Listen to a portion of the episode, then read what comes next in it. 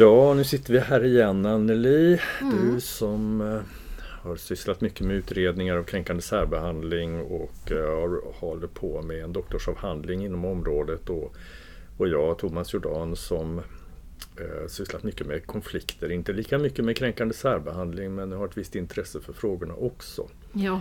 Och det här är sjunde samtalet som vi har som kretsar kring vad som händer på arbetsplatser och så. Mm.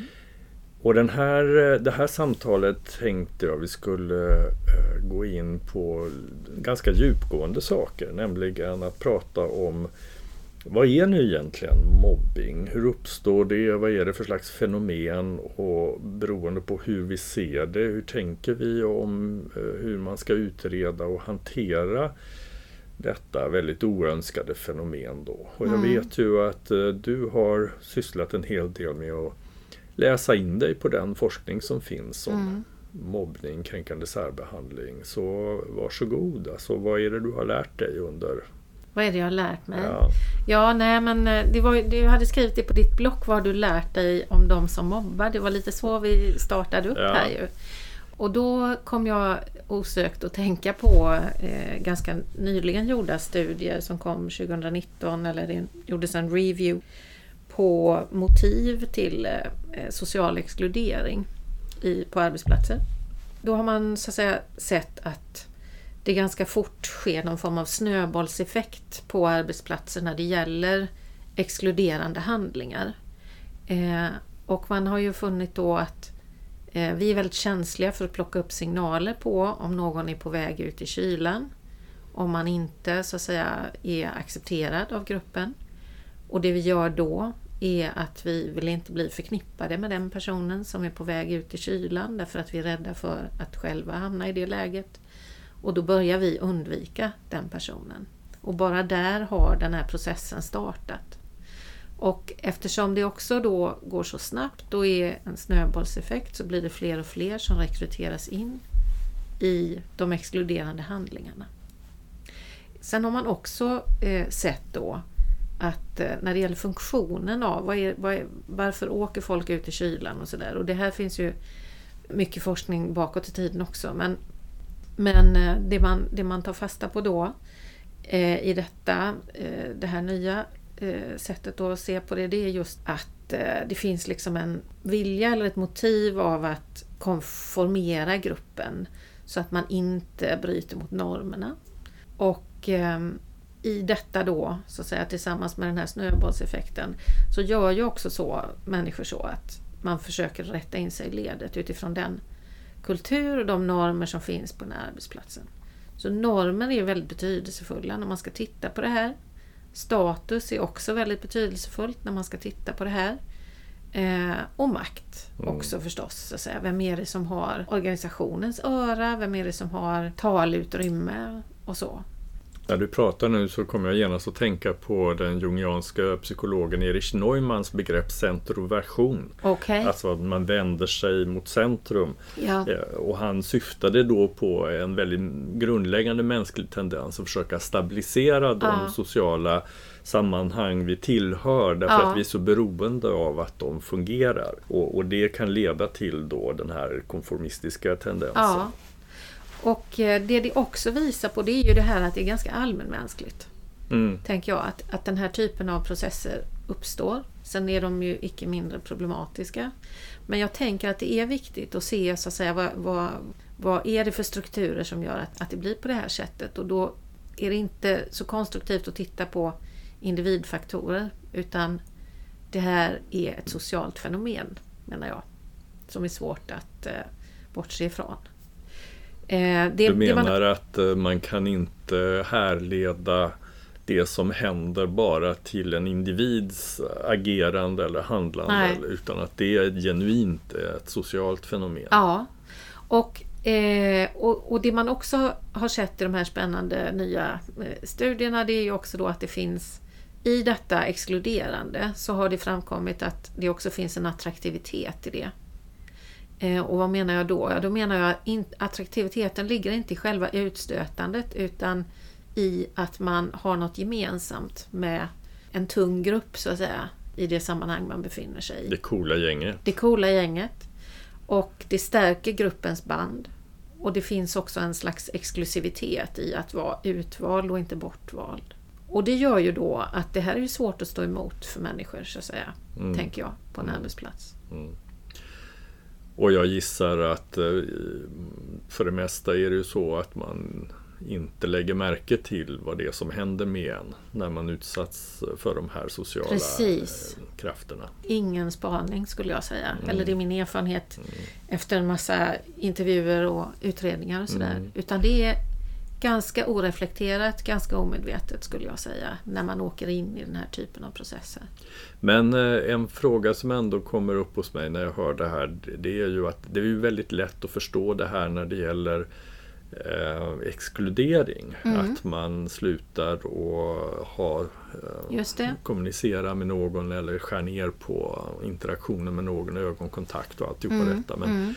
eh, vad, vad säger då forskningen om det här med aktivt fientliga handlingar. Att man mm. verkligen ja, riktar fientliga handlingar mot någon och, och medlöperiet där. Ja, när man tittar på den forskningen då när det gäller aggressivt beteende då tittar man ju så att säga på, på personer som är kanske ganska tongivande och så.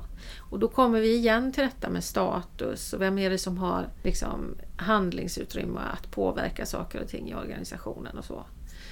Och eh, man konfronterar ju sällan de personerna som, som har det här beteendet.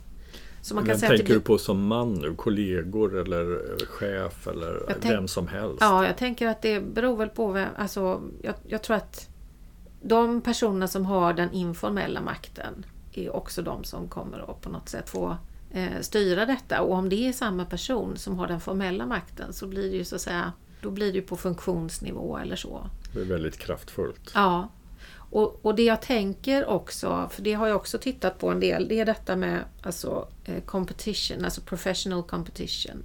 Att man tittar på hur olika yrkeskategorier och grupper och så hamnar i konflikter eller i tävlan om resurser, eh, eh, man konkurrerar om olika positioner och så vidare. Och det här är också viktigt att ha med sig när man ska, när man ska så att säga, förstå den här typen av processer. Vilka är det som kommer i vägen då? Och vad behöver man göra? Därför då vaknar det också någon form av liksom konspirationer och vad man nu kan tänka sig för någonting. Eh, där man också har en aktiv, ett, ett aktivt sätt att, att eh, liksom försöka hindra att det blir på det viset. Att eliminera hinder så att säga. Mm. Eh, så jag, jag, är inte jättesäker på, nu har jag, inte, jag kan inte påstå att jag läst någon studie som har tittat på liksom både eh, det här, vad ska vi säga, exkluderande eh, beteendet och det här konfrontativa eller aggressiva och så. Och att man har jämfört liksom mm. dem. Det kan jag inte tänka att jag har sett i samma studie så att säga. Mm. Men jag tänker att alltså den gruppprocessen tror jag inte är så annorlunda om det är på det ena eller det andra sättet. Mm. Om man tittar på detta med exklusiviteten i att eh, vara med det coola gänget så att säga. Så tror jag inte man gör någon direkt utvärdering av hur det, hur det markeras. Det kan markeras på olika sätt ju. Och det är ju en form av politik kan man säga också. Som man tar ställning tydligt för en allians eller mm en gruppering eller vad man ska mm. säga. Mm. Men om jag förstår dig rätt så det här synsättet där man betonar just uh, sociala processer mm. och gruppdynamik och sådant. Uh, om jag förstår det rätt så menar du att det blir missvisande att fokusera mycket på förövaren mm. så att mm. säga som individ som ja. bär sig illa åt mot någon annan. Då. Ja. Kan du utveckla det lite grann? Vad är problematiskt med det och, och så? Mm. Jo men jag, jag tänker att det är problematiskt därför att det ofta blir liksom, det blir liksom ett skuldbeläggande. Eh, att man lyfter ut en person ur sitt sociala organisatoriska sammanhang eh, och på något sätt lägger, lägger bördan på den individens axlar eller så. För det är ju det det blir om man gör en anmälan emot en person. Det blir något väldigt annorlunda än om man tittar liksom på oj, nu har vi ett utstötningsbeteende på arbetsplatsen. Det kanske vi behöver liksom se vad är det som gynnar det eller vad, som, vad behövs för att kunna liksom begränsa det eller så. Det blir en helt annan sak. För det är också så att om man börjar anklaga Pelle Karlsson, eh, så säga, eller gör en, gör en anmälan mot honom. Det blir också ett sätt för organisationen att förskjuta ansvaret mot individ. Mm. Så att det finns ju intressen naturligtvis kanske hos arbetsgivare och så. Att man vill ha en person att skuldbelägga och sådär. Mm. Och det är problematiskt. Mm. Utan jag tycker inte att man ska anmäla personer helt enkelt. Enskilda individer. När det gäller att göra den här typen av utredningar. Utan handlingsmönstret eller beteendet på arbetsplatsen. Vi kan komma tillbaka till det lite senare ja. tänker jag. Men Um, när du säger det här nu så, så tänker jag på den indelning jag brukar göra. Jag tror vi har haft uppe det tidigare i det här med individnivån, relationsnivån och ja. systemnivån. Ja. Och, uh, individnivån handlar om att man söker förklaringar till det som händer i individer och Just deras det. egenskaper och förhållningssätt. Relationsnivån handlar om att man uh, ser det, den dynamik som mm. uppstår i interaktionen Precis. i en grupp eller mellan personer som ja källan till det som händer eller kärnan i det som händer. Medan ja. systemnivåperspektivet innebär att man söker förklaringarna till att sådana här fenomen kan uppstå i mm. till exempel organisatoriska eh, förutsättningar mm. och egenskaper. Och, det får ju långtgående konsekvenser då var man väljer att, lägga sig. Mm. Och så som du pratar om det nu så så är det i alla fall så att du kanske tycker att man överbetonar individnivån. Mm. Ja, det gör jag.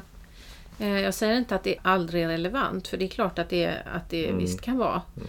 Men jag tänker att grundsynen ändå, eh, att det är mer framkomligt helt enkelt. Eh, mm. Både utifrån åtgärdssynpunkt och, och stigmatiseringssynpunkt också, så att säga. Mm. Att vi får bort lite det och istället kan titta på liksom, interaktionerna. Men eh, jag tror att det här väcker hos många också sådana där väldigt grundläggande frågor. Inför det här samtalet så använder ordet ontologi, mm. alltså våra väldigt grundläggande uppfattningar om verklighetens mm. natur och så. Mm. Och eh, det, det, finns ju olika antaganden på olika nivåer och jag mm. tänker att synsätt som finns på samhället och vad som håller ihop samhället och gör att vi kan ha ett anständigt eh, samhälle pekar ju på att en fundamental faktor är vars och ens ansvarstagande mm. för sitt eget sätt att förhålla sig till andra människor och mm. navigera i det sociala sammanhanget. Och om man ser det som väldigt fundamentalt, att det är väldigt viktigt att eh, var och en tar ansvar för hur man bär sig åt gentemot mm. andra då blir det ju också i förhållande till sådana fenomen som kränkande särbehandling och mobbing väldigt viktigt att utkräva det ansvaret. Det vill säga att om någon bär sig illa åt så kan det visserligen finnas organisatoriska och sociala förklaringar till att detta har hänt men man kanske ändå tycker att det är väldigt viktigt att eh, man skickar tydliga signaler, man markerar att detta mm. inte är acceptabelt och att man inte vill på något sätt försvaga eller sudda ut den här faktorn som har att göra med att du som individ oavsett vilka påfrestningar du blir utsatt för på grund av grupptryck och eh, ogynnsamma organisatoriska förutsättningar och så ändå har ett ansvar för hur du beter dig. Alltså, mm. vad, vad, tänker du om det? Jo, jag tänker lite, lite fult tänkte jag bara säga så här att ja, fast det går emot AFSens intentioner, den nya det här att vi ska byta perspektiv från individnivå till, till organisatorisk och social nivå när vi ska söka problematiken. Ja, det håller jag med om. Eh, men då kan man ju också säga så här att eh, AFSen har visserligen tolkningsföreträde när mm. det gäller det rättsliga, mm. alltså arbetsmiljörätten och mm. hur, vad man är skyldig att göra och inte. Mm. Men eh, AFSen och Arbetsmiljöverket har ju inte tolkningsföreträde om verkligheten. Nej, absolut. Så, att, så, så, jag kommer inte undan där. Jag förstår det. Men, men, eh, men det jag tänker att du berör där, det är just detta. Och, och jag kan tycka att det är väldigt gåtfullt faktiskt. Att när det gäller just kränkande särbehandling så kommer det osökt direkt till någon slags moralisk utvärdering. Det är där vi hamnar väldigt ofta när vi pratar om de här sakerna. Vi gör en moralisk utvärdering, antingen, antingen vi är medvetna om det eller inte. Kring så att säga det förkastliga i beteendet eller vad man ska säga. Så. Mm. Eh, på ett sätt som man inte gör till exempel om det skulle handla om att eh, vi har en för hög arbetsbörda på arbetsplatsen. Eh, så börjar vi inte direkt och spontant att diskutera de moraliska betänkligheterna kring att lägga på människor större arbetsbörda än vad de mäktar med eller så. Utan då börjar vi istället titta på, okej okay, hur ska vi lösa det här problemet? Och det tycker jag är intressant just när det gäller det här fenomenet, att det har blivit så stigmatiserande. Och också eh, moraliskt liksom eh, stämplat också. Mm. Eh, och jag tänker att det delvis hänger ihop med att den gamla AFSen eh, var formulerad så som den var eh, och att det har blivit ett arbetsrättsligt perspektiv. I den förra definitionen av kränkande särbehandling så, så, så, så stod det också så här att eh, det här är klandervärda, alltså individens klandervärda handlingar och sådana saker. Så att det blir... Det, det finns i språket också. Ja någon koppling till. Och det har man velat förskjuta eh, fokus. Ja. Men det lever kvar hos oss som mm. människor på något mm. sätt. Mm. Och, och, jag tror att det är också om man i förlängningen liksom tänker på alla andra möjliga, vad ska vi säga, brott. Eller alltså överhuvudtaget när vi, när vi liksom begår brott. Det är också, sker ju också en moralisk liksom, utvärdering kring det. Mm. Jag vet ju att du kanske inte så gärna vill gå in i någon slags debatt i förhållande till olika synsätt på hur man ska se på det här eller, eller utredningsmetodik och så. Men eh, ändå, alltså det, du, du går i riktning mot att eh, det vi behöver göra det är att få syn på när det uppkommer dysfunktionella relationsprocesser mm. eller gruppprocesser mm. och inte individualisera dem Nej, utan åtgärda de omständigheter som tillåter att uh, sådana processer uppkommer och ja. inte lägga skuld på individen Nej. och fokusera på förövaren Nej, på, på, samma sätt. Nej, precis.